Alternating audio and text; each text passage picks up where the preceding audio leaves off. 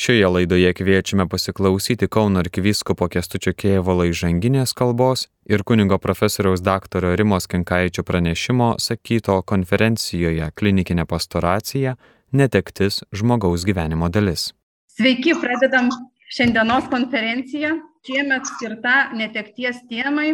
Dabar kviečiu mus pasveikinti, palydėti ir pakilėti dvasiškai e, jo ekscelenciją arkiviskupą metropolitą Kestutį Kievalą.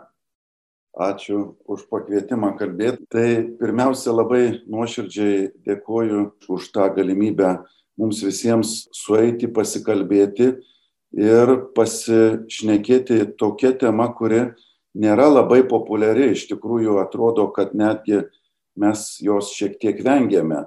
Kalbėti apie netikti dažniausiai asocijuojasi su mirtimi, bet mes šioje konferencijoje kalbama apie ne tik tos tikrovės, galutinės tikrovės, bet ir kitas netekčių formas, kurios susijusios su sveikata, santykiais, darbu, pagaliau su mūsų praeinančiom gyvenimo dienom, kas irgi psichologiškai kiekvienam žmogui taip pat yra netekties taip pat forma. Taigi norėčiau pradėti mintimi, kad netektis yra ne tik tai koks nors fizinis aspektas žmogaus gyvenime, bet taip pat ir dvasinis bei psichologinis. Mes kalbame apie žmogų kaip dvasinę būtybę ir netektis veikia visą asmenį. Tai reiškia ir kūną, ir dvasę. Ir mums kiekvienam šita tikrovė yra gazdinanti, nes ji mums kažką atima. Artimuosius, atima mano turėtą stovį, pagaliau atrodo atima ir patį gyvenimą. Ir mums tai slegia. Ką galėtume pasakyti pradžioje? Pirmiausia, kad žmogus sukurtas apstybei arba sukurtas turėjimui mes gyvenimą išgyvename kaip tą, kuris mums padovanotas ir jo tikslas yra pilnatvė. Ir mes tos pilnatvės bliksnius jaučiame kiekvienas savo gyvenime, kai ilgimės laimės, kitiems jiems linkim jos, taip pat sveikatos, gražių ilgų gyvenimo metų. Tai vis, sakytume, tos pilnatvės pasireiškimai. Ir žmogaus širdis tiesiog yra bedugnė, galėtume tarti, kadangi jinai sukurta amžinybei. Ir krikščioniška teologija pagrindžia, iš kur pa žmoguje yra tas nuolatinis besitėsiantis troškimas, kodėl jis nuolat kažko trokšta ir negali pasitenkinti esamą situaciją. Būtent, kad jis sukurtas begalybei. Ir mus iš vienos pusės tas džiugina, iš kitos pusės nepaprastai džeidžia, kai mes patiriame netekties būsenas arba valandas, nes tai tiesiog eina kažkas prieš mūsų prigimti, prieš tai, ką mano širdis linkusi jausti ir daryti. Taigi psichologinė, dvasinė ir fizinė dimensijos, kurios įtakoja žmogų ir jam reikalinga įspręsti netekties klausimą taip, kad jisai neprarastų to gyvenimo džiaugsmo ir gyvenimo kokybės. Pavyzdžiui, kaip susitaikyti su netektimi, kokiu būdu priimti tai ramybėje, pagaliau kaip savo pačio gyvenimo mirtį pasitikti, sakytume, netikti iš didžiosios raidės, kuri mums atrodo kaip didžiulė tragedija, taip pat ir artimųjų mirtis. Čia viskas priklauso nuo žmogaus vadinamos vidinės laikysenos, kaip jis žvelgia į pasaulį. Jeigu pasaulis yra suprantamas tik tai kaip minų laukas arba išbandymas arba ašarų pakalnė, tai kiekviena netektis tik, reiškia, sustiprina mano kančią. Bet jeigu aš žiūriu į gyvenimą kitu kampu. Kaip vat, graikiškas žodis krizė reiškia ne tik tai problemą arba iššūkį, bet taip pat ir galimybę. į kiekvieną netekti žiūrėti kaip į tam tikrą galimybę arba į tam tikrą naują mano gyvenimo kokybės pasiūlymą. Mes esame sukurti bendrystėje. Ir bendrystė yra mūsų pagrindinis turbūt gyvenimo vertingumo matas ir džiaugsmo matas. Jeigu pažiūrėtume į žmonės, tai aišku, jie siekia turtų, malonumų, garbės, pareigų arba pinigų. Ir tie visi dalykai yra iš esmės ne prieš valdžią ir ne prieš žmogaus gyvenimo tikslą, bet jie negali būti aukščiausia vertybė. Jeigu aukščiausia vertybė yra bendrystė, tada visi kiti dalykai vertybių skalė yra savoje vietoje. Taigi bendrystė yra, kaip ten bebūtų, mums kiekvienam vertybė, kurios turime siekti, kurią turime augdyti ir kurią nuolat matuoti savo gyvenimą kokiu būdu pasiekti, kad mano netektys negriautų būtent šį aukščiausią tikslą, bet jį stiprintų. Ir įdomus dalykas, kad įvairios krizės, išbandymai ir kataklizmai žmonės dažnai suartina. Tai reiškia netektys, kurių rezultatas buvo teigiamas, jeigu taip galim sakyti. Ir jeigu žmogus pajėgė išvelgti šiuose krizėse tą teigiamą bruožą, jo netektis tarsi išgydomos yra. Taip pat yra ir tos dramatiškos situacijos susijusios su sveikatos praradimu arba mirties baime.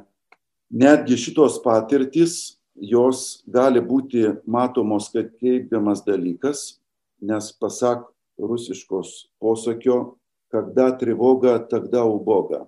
Kada yra problema, krizė, tada žmogus kreipiasi Dievą, ne, jis atpažįsta santyki naują, galbūt neatrasta dar savyje tikrovę. Tai jeigu tokiu būdu netektis yra matoma, jinai gali tapti teigiamu žmogaus išgyvenimu arba patirtimi. Mūsų popiežius Pranciškus yra parašęs laišką būtent vasario 11 dienai šių metų, kuris pavadintas Meilės kelyje būti šalia kenčiančiųjų. Tai 30-osios pasaulinės ligonių dienos proga rašytas dokumentas, kuriame popiežius Pranciškus atkreipė dėmesį labai įdomią ir, sakyčiau, mūsų temai svarbų klausimą. 20-ojo amžiaus mąstytojai kalba apie skausmą, kuris izoliuoja ir būtent dėl šios absoliučios izolacijos kyla poreikis kreiptis į kitą, šauktis kito. Kai žmogus dėl lygos savo kūnu patiria silpnumą ir kančią, jo širdis taip pat apsunksta, auga baimė, daugėja klausimų, aštriau iškyla prasmės klausimas dėl visko, kas vyksta kaip galėtume pamiršti daugybę ligonių, kurio šiuo pandemijos laikotarpiu paskutinį savo gyvenimo etapą nugyvenę vieni intensyvios terapijos skyriuje, tiesa prižiūrimi didžiadvasiškų sveikatos priežiūros darbuotojų, bet toli nuo mylimiausių, artimųjų ir svarbiausių žemiško gyvenimo žmonių. Štai kodėl taip svarbu šalia savęs turėti Dievo meilės liudytojus, kurie siekdami Jėzumi tėvo gailestingumo pavyzdžių lieja paguodos aliejų ir vilties vyną ant ligonių žaizdų. Popiežius kalba apie santykio svarbą. Ir netekties akivaizdoj santykis yra pagrindinis vaistas, kuris gydo. Pats buvimas, pavyzdžiui, prie ligonio jau yra gydanti terapinė priemonė. Aš tą visiškai neseniai galėjau patirti, kai teko aplankyti ligoninę netipišką, kuri yra kalėjime čia praviniskėse, žmonės, kurie yra nuteisti iki gyvos galvos ir dar patekę, aišku, į ligoninę. Ir atsimenu, įeinu į palatą ir jau pradėsiu kalbinti žmogų, bet tik pats įėjimas ir pasirodymas sugraudino žmogų vieną iki raudos tiesiog. Jisai vargšas pradėjo raudoti. Tai dabar kas čia atsitiko, galėtume sakyti. Kas čia vyksta? Dar jokio nebuvo nei sakinio, nei žodžio, nei, nei kokio nors patarimo ar ką. Įsivaizduojat, reiškia, tas santykis yra tiek stipriai veikiantis, kad žmogų liečia praktiškai jo dvasinę, psichologinę ir visą kitą būseną tik pats buvimas. Ir Amerikoje teko girdėti, kad yra netgi terminas va šitokiai tarnystėj - Ministry of Presence - buvimo tarnystė.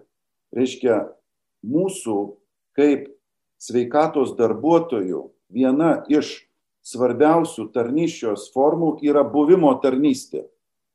Taip, mums galbūt buvo skaudu, kad mes negalėjome padėti šitiems žmonėms, kaip profesorius Ronaldas užsiminė, fizinę prasme, suteikti jiems na, pagalbą, kadangi buvo jau per vėlų arba neįmanoma mūsų turimom priemonėm.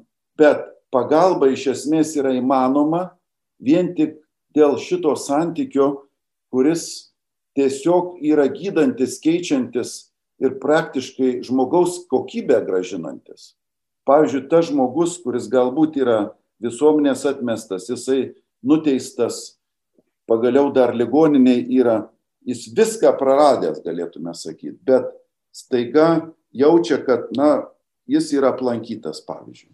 Tai čia nenoriu save kažkaip čia pristatyti, kad dėmesio aš čia aplankiau ir žiūrėkit, kaip čia nuostabiai pavyko, bet pats fenomenas reiškia būti kartu su kitu žmogumi, o tai reiškia tą bendrystės santykio atstatymą, yra, galėtume sakyti, teigiama bet kokios netekties akivaizdoj išgyventa kokybė. Jeigu žmogus šitą santykį jaučia, turi, jisai niekada nejaus tos tamsumos arba tragedijos, kad reiškia viskas baigta. Aš pats atsimenu, kiek kartų esu patekęs ar į ligoninę, ar aplankyti gydytojus ir turiu prisipažinti, kad nepaprastai įdomų efektą visada patiriu. Būtent tik tai kalbėjimasis su gydytoju jau yra terapija. Aš tą jaučiu, aš galiu įvertinti savo būseną, sakykime, iš šono. Dar niekas nebuvo per daug atsitikę, neišrašyti vaistai, bet pats kalbėjimas jau gydo. Tai įsivaizduojat, ką reiškia mūsų slaugos ir gydytojų bei medicinos darbuotojų buvimas šalia. Jis jau yra terapija. Net jeigu aš pergyvenu, kad aš negaliu duoti terapijos, kuri mano pakeis būseną, netekties kančia labai stipriai sumažinama, o kartais tu net pamiršti, kad tu esi ligonis ir kad tu atvykai su bėda. Kaip čia pasakius, žmogus gali pralinksmėti, net gydymo įstaigoje, net ir kalėjime ir panašiai. Tai santykio kūrimas. Šiandien mūsų visuomenė patiria tą vadinamą individualizmo pagundą, kad aš darausi, kad aš būčiau laimingas, o jūs, ponai, darykitės, kad jūs būtumėt laimingi. Tai atrodo, kad visa mūsų visuomenė yra nukreipta į asmeninės laimės kalvystę. Kiekvienas kalkime laimę savo individualiai ir būsime laimingi, kai sueisim kartu. Pasirodo, kad taip neveikia. Įdomus dalykas, kad aš negaliu turėti laimės, jeigu aš, pavyzdžiui, kitam jos nedovanoju. Reiškia, negaliu būti žmogus, kuris užsidarau nuo visų ir sakau, aš esu sotus, laimingas, man nieko netrūksta, ir jūs būkite tokie sotus ir laimingi. Tai mano laimė ateina per kito žmogaus laimę. Tai reiškia, pats medicinos darbuotojas taip pat tam tikrą prasme savo gyvenimo kokybę tobulina ir savo netektis ir išbandymus gydo per dovadonimą santykio. Galbūt aš savo namuose turiu kokį nors konfliktą ar kažkokį išbandymą, arba pats kenčiu dėl kokių nors na, trūkumų, kurie mane kankina, bet dovanodamas kitam, pavyzdžiui, dėmesį, laiką, gerą žodį, aš save gydau. Ir šitą fenomeną, aš manau, esate patyrę. Dar popiežiaus vieną mintį noriu pacituoti, kalbant apie slaugos vietas kaip gailestingumo namus, jisai sako, pasaulinių ligonių diena taip pat yra gera proga atkreipdėmėsi į slaugos vietas. Šimtmečių būvyje gailestingumas ligonėms paskatino krikščionių bendruomenę atidaryti daugybę gerojo samariečio užėgų, kuriuose gali būti priemami ir gydami vairūs ligoniai, ypač tie, kurie sveikatos poreikiai lieka nepatenkinti dėl skurdo, socialinės atskirties ar sunkumų gydant tam tikras ligas. Ir taip toliau. Jisai kalba, kad mes su šitos slaugos vietos gali būti susitikimo vietos su kitu žmogumi ir gydančios ir atstatančios mūsų bendrystės, žmogiškas bendrystės, kurios ir yra ta didžiausia gyvenimo vertės kokybė. Kuo daugiau ir intensyvesnių žmogus santykių turi, tuo labiau jam yra pakeliamos bet kokios netektis.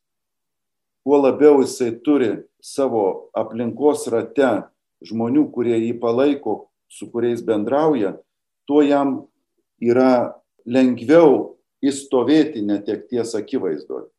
Ir asmeninės netekties, ir, ir šeimininės, ir bet kokios kitos. Tai visuomenė yra tas veikesnė, kuri turi didesnė bendruomeniškumo kokybę.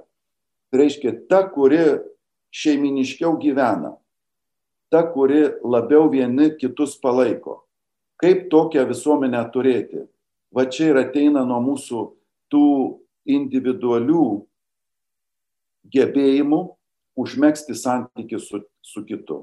Prakalbinti, skirti laiko, duoti galbūt kažkokį viltį per šypseną gerą žodį, elementarų buvimą kartu. Čia, aš manau, yra paslaptis, kaip įveikti netekties kančią. Bendrystės santykio kūrimo menas. Jeigu tai žmogui sekasi, jis ne tik tai kitam žmogui padeda, įdomiausias dalykas, jis savo padeda. Jeigu nori savo padėti, turi eiti į kitą. Ir čia yra pagrindinė Evangelijos pamoka ir, ir tas Jėzaus paradoksas, kas duoda, gauna tai labai norisi palinkėti drąsos, taip pat tokio atvirumo ir aišku savęs dovanojimo džiaugsmo, kuriant santyki, kuris, manau, yra vaistas įvairios netekčių formų gydimui, įvairiai mūsų ištikusiai netekčiai įveikti. Statyti tiltus per bendrystę, kurios rezultatas yra širdies kokybė, kuri galėtume įvardinti žodžiais, viskas bus gerai. Tai ta yra labai brangi dovana mūsų gyvenimams ir mūsų bendruomenėms. Ačiū. Dėkojame ekscelencijai Kestučiui Kievalui. Dabar kviečiu Katalikų teologijos fakulteto dekaną, profesorių Beną Ulevičių, toliau tęsti konferenciją, pristatyti mums pranešėjus labai dėkoju ir noriu pakviesti kitą prelegentą, kanauninką Rimą Skinkaitį, pristatyti savo pranešimą Ligonių patepimas, gydanti ir stiprinanti Dievo malonė. Kanauninkas Rimas Kinkaitis yra Vytauto didžiojo universiteto katalikų teologijos fakulteto profesorius, teologijos mokslų daktaras. Fakultete ne vieną kartą studentų išrinktas geriausių metų dėstytojų vertinamas kolegų už ekspertizę, kropštumą ir kolegišką dvasę. Ir be abejo, kaip kunigas turi ir didelę patirtį selovados srityje. Taigi kviečiam pristatyti savo pranešimą. Gerą dieną visiems. Aš galbūt kalbėsiu apie tokį neįprastą argumentą, bet e, man atrodo taip pat galbūt naudinga susiduriant su, su lygos ištiktų žmogumi. Jau buvo kalbėta, kad žmogų gali paliesti pačios įvairiausios netektys.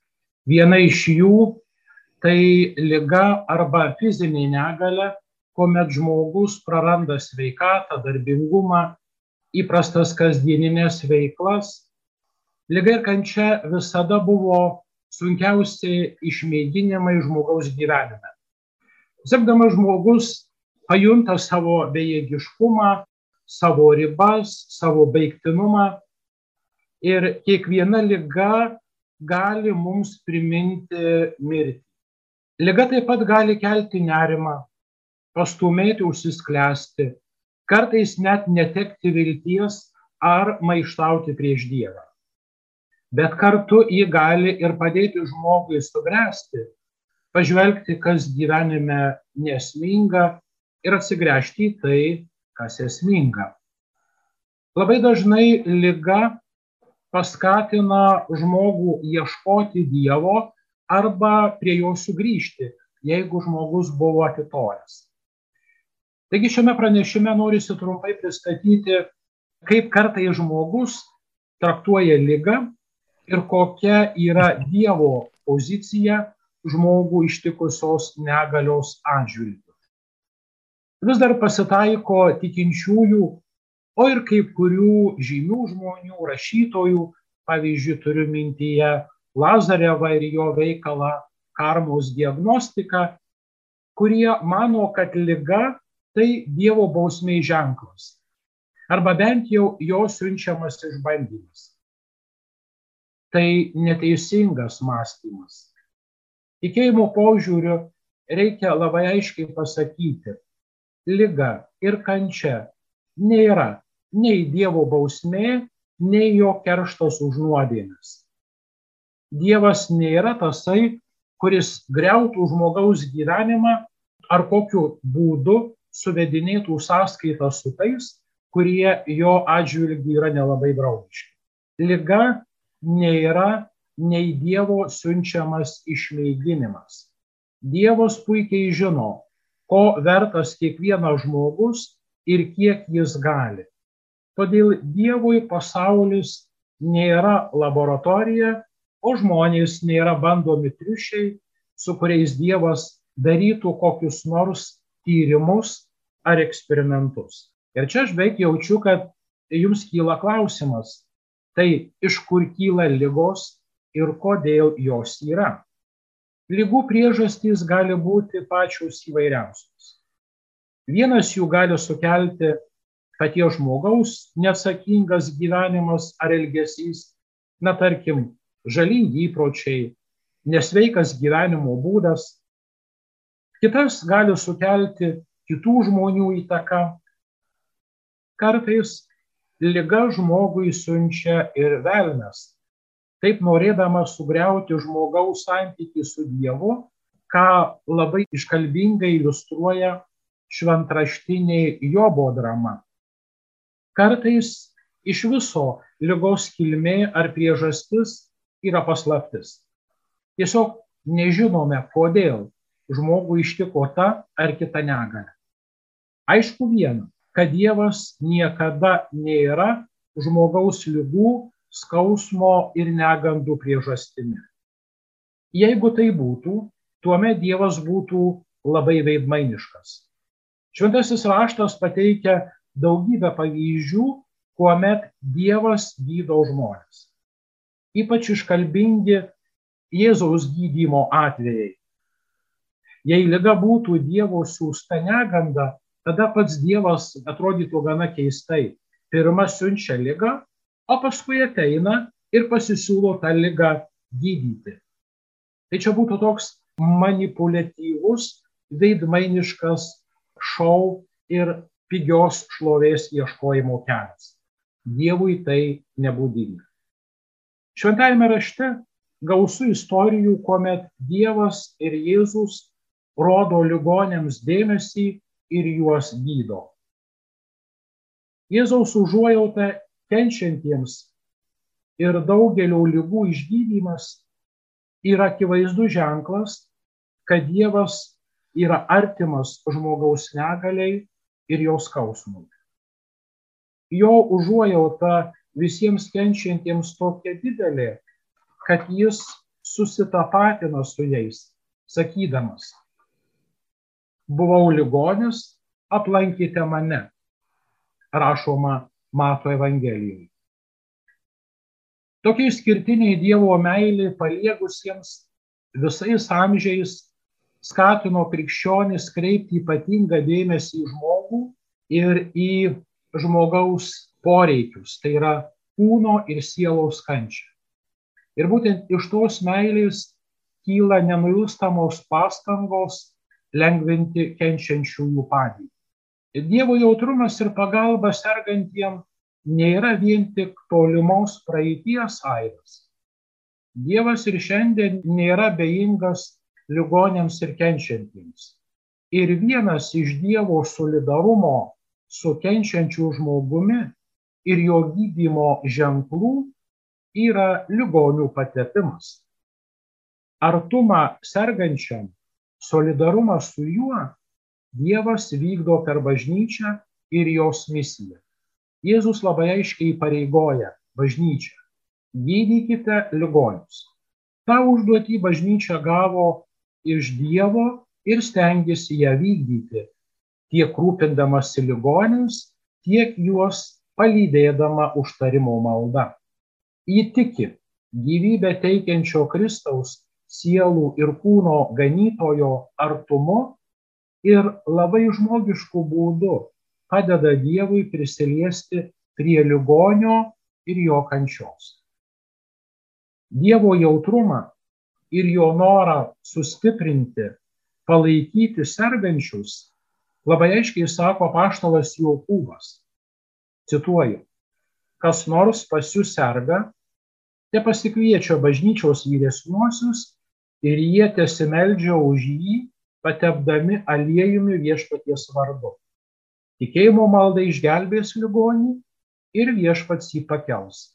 O jeigu jis būtų nusikaltęs, jam bus atleista. Citatos pabaiga. Tačiau reikia pripažinti, kad šiandien į šį sakramentą vis dar žiūrima gana atsainiai. Kartais su atsargumu ir su baime. Jo nenorima priimti, dar esant gyviems, tokiems, sakyčiau, viduramžiškiems principams, kad kunigo pasikvietimas yra sutapatinamas su ligonio pasmerkimu mirčiai. O mirties priimimas šiandien daugeliu yra tapęs svetimkūniu. Galima sakyti, kad daugeliu ligonių sakramentas yra nežinomas, kaip nežinoma jo prasme ir vaisiai. Trūksta žinių, nėra su tuo susijusių katekezių arba tiesiog iškyla kitas požiūris, kad, na, patepimas tai čia kažkas susijęs su magija. O tai jau nelabai švaru, nelabai moksliška, nelabai šiandieniška, taigi nelabai aktualu. Ir ką čia reikia pasakyti? Ligonių patepimas nėra vien atsidūrusių prie mirties lenkščio sakramentas. Jį priimti gali kiekvienas rimčiau sergantis ar senatvės varginamas žmogus.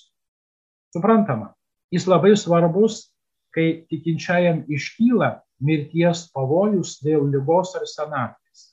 Tačiau jeigu ligonis gavęs patepimą pasveiksta, jis gali vėl gauti šį sakramentą, kai tik rimčiau sunegaluoja. Tos pačios lygos metu sakramentas taip pat gali būti kartojamas jeigu, tarkim, lyga paumėja, pasunkėja, komplikuojasi, tinka priimti ligonių patepimą ir prieš rimtesnę arba sunkę operaciją. Šis patepimas naudingas ir pagyvenusiems asmenims, kurių jėgos pamažu silpsta, nes šiaip jau senatvė tai yra, žinot, mirtina lyga, kuri visada baigėsi mirtim. Ir iš senatvės dar niekas nepasveikia visi dėja iškeliavo į amžinybę. Taigi dabar verta kelti klausimą, kokia yra dvasinė šio patepimo prasmė. Pirmiausiai, šio sakramento rūpestis yra padėti ligonėms lygoje ir kančioje vienytis su kenčiančiu Kristumi. Šeima, aplinka, bendruomenė yra kviečiami būti solidarūs su sergančiuoju jo viltyje pasveikti. Kenčiant išvelgti prasme, o lygai progresuojant ar nesant galimybės pasveikti, tinkamai pasirengti susitikti su Dievu. Taigi, kaip minėjau, solidarumas su sergančiuoju. Žadinti žmogui viltį, kas yra be galo svarbu. Taigi, remiantis šią teologinę sampratą, ligonių sakramento gale pirmiausia yra kovojama už žmogaus sveikatą. Kovojama už žmogaus sveikatą. Ligonių patepimo sakramentas, kitaip žodžiais tariant, yra jį priimančiojo sveikėjimo sakramentas. Šis sakramentas suprantamas kaip pagalba sergančiajam stiprinti dvasę, gaivinti viltį, gydyti kūną. Po antrojo Vatikano susirinkimo kalbam apie viso žmogaus bendrą tiek kūno, tiek sielos sveikatą. Mes kalbam apie integralų žmogų ir apie integralią sveikatą. Anksčiau buvusi senoji atskirtis tarp sielos ir kūno, atsiradusi be abejo dėl graikiškos filosofijos įtakos, išnyko. Anksčiau buvo samprotaujama, kad kūno troškimas yra kuo ilgiau gyventi žemėje, na, o sielos pasiekti laimingam žinybę. Todėl tam tikrų laikų seniau ligonių patepimas buvo teikiamas tik žmogui visiškai priartėjus prie mirties. Dėl šios priežasties, nunykus tikėjimui, pagyti žmogui fiziškai liko tik sielos paruošimo išėjimui prasme. Todėl šis sakramentas pradėtas vadinti paskutiniu patepimu. Tokiu būdu jį nuvertinant ir susiaurinant vien tik iki išlydėjimo į amžinybę prasmės, kas nėra teisinga. Šis sakramentas, kaip minėjau, taip pat padeda žmogui įveikti fizinę negalę ir kartais pagyti. Sekanti prasme - tai Dievo ir bažnyčios solidarumo su sergančiuoju ir artumo jam ženklas. Tai ženklas, kad tu nesi atstumtas, pamirštas, tu esi Dievui svarbus ar artimas. Tu nesi vienas ir pamirštas, nesi nurašytas ir beviltiškas. Priešingai, kunigo asmenyje Dievas ateidamas pas ligonį, uždėdamas ant jo rankas ir patepdamas jį, nori sustiprinti žmogų, palaikyti jį, padėti jam kabintis į gyvenimą ir net nugalėti lygą ir pasveikti. Asmeniškai žinau nemažai atvejų, kai po patepimo žmogus greitai, o kartais ir nepaaiškinamai pasveikdavo. Kai lyga, kuri atrodo jau jau veda į mirtį, staiga atsitraukdavo medikai sakydavo, na galim paaiškinti, kodėl taip nutiko, o man kaip tikinčiam žmogui labai aišku. Čia Dievas pridėjo pirštą ir padėjo žmogui sugrįžti į gyvenimą. Taigi, kaip minėjau, tokių atvejų asmeniškai esu išgyvenęs tikrai labai nemažai. Sakramentas kartais tikrai žmogų gydo. Dar viena prasme Tai ypatinga šventosios dvasios dovana. Pirmoji šio sakramento malonė yra paguoda, ramybė ir drąsa, padedanti nugalėti sunkios lygos ar varginančios senatvės sunkumus. Sutikim, kad dažnas mūsų dienų žmogus yra dvasiškai silpnas ir nepasirengęs pasitikti kančią ar kitus išmėginimus kaip neišvengiamą gyvenimo faktą. Ir tai labiausiai matos ypatingai jaunų žmonių, kuriuos ištiko lyga atvejais. Bet kuo rečiau mastom apie kančią, jos prasme ir kuo labiau ji stumiama į periferiją, tuo labiau ir sunkiau žmogus kenčia, kai žmogų ištinka lyga. Žymieji žmonijos psichiatrai, tokie kaip Jungas, Franklis ir kiti, atskleidžia ir patvirtina faktą, kad tik tikėjimas pajėgia žmogui įprasminti kančios klausimą. Todėl bažnyčia turi misiją rūpintis silpniausiais, lydėti žmogų skaudžiausiais jo gyvenimo momentais, suteikiant jiems prasme ir patį žmogų, įgalinant visais gyvenimo etapais, taigi ir lygos atveju gyventi oriai. Ligonių patepimo sakramentas jokių būdų nėra paskutinis patepimas. Veikiau sakramentas nukreiptas į kovą su lyga ir jos pašventinimą. Tariant, pasaulietiškai išnekant, į kančios įprasminimą. Ligonių patepimas yra dovana šventosios dvasios, kuri atnaujina žmogaus pasitikėjimą Dievu, tikėjimą į jį, bei stiprina žmogų kovoje su negale. Ši Dievo pagalba, jo dvasiaus jėga gydo ligonių sielą, draugį ir kūną, aišku, jeigu tokia yra Dievo valia. Dar vienas momentas. Ligonių patepimas suvienyje sergantį su Kristumi ir jo kančia, ir jo kryžiaus drama. Šio sakramento dėka ligonis gauna jėgų glaudžiai vienytis su prasminga Kristaus kančia. Tam tikrą prasme jis pašventindamas ir duodamas tam tikrą suraminimą parodo, kad žmogaus kančia gali būti prasminga. Šiandien mūsų aplinkoj praktiškai nekalbama apie kančios prasme. Priešingai, šiandien visuotinai kalbama apie kančios beprasmybę. Tuo tarpu ligonių patepimo sakramentu žmogui vienijantis su Dievu, kentėjimas gali turėti prasme. Žmogus tam tikrą prasme tampa išganimo darbo Dieve dalininku. Dar kitaip sakant, šio sakramento siunčiama žinia, nors nežinome, kodėl žmogų prislėgė lyga, bet per santykių su Dievu ši kančia gali būti įprasminta. Aukojant ją kokiam nors kilniam tikslui, žmogus lengviau ir ramiau išgyvena lygą.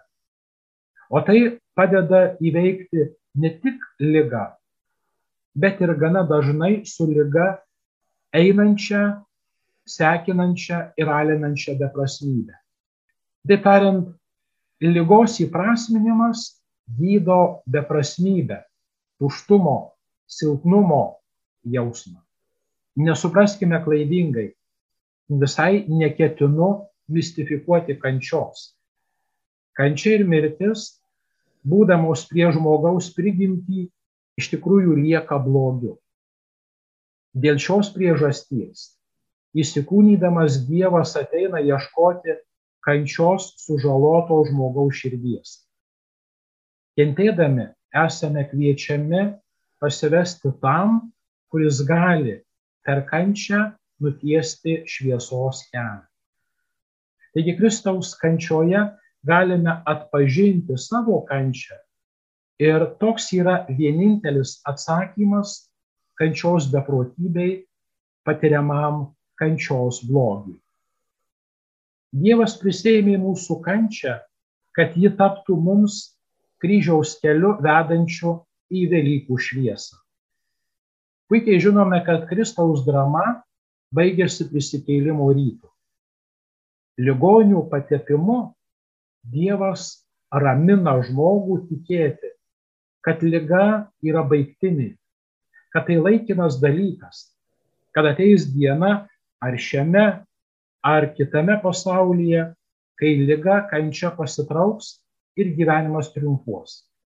Taigi ligonių patepime yra vilties dovana žmogui. O viltis žmogui yra be galo reikalinga, ypatingai ribinėse situacijose. Viltis nemažiau veiksmingas vaistas kaip ir medikamentai. Taip pat reikia paminėti, kad ligonių patepimas turi ir svarbę socialinę vertę. Teikdama šį sakramentą, bažnyčia per šventųjų bendrystę užtarė ligonį, palaiko jį, ligonis savo ruoštu šio sakramento malonę prisideda prie bažnyčios pašventinimo ir visų žmonių, dėl kurių bažnyčia kenčia, bendrojo gėrio. Bažnyčia moko, kad liturginiai veiksmai nėra privatus. Jie yra šventimas bažnyčios, kuri yra vienybės sakramentas.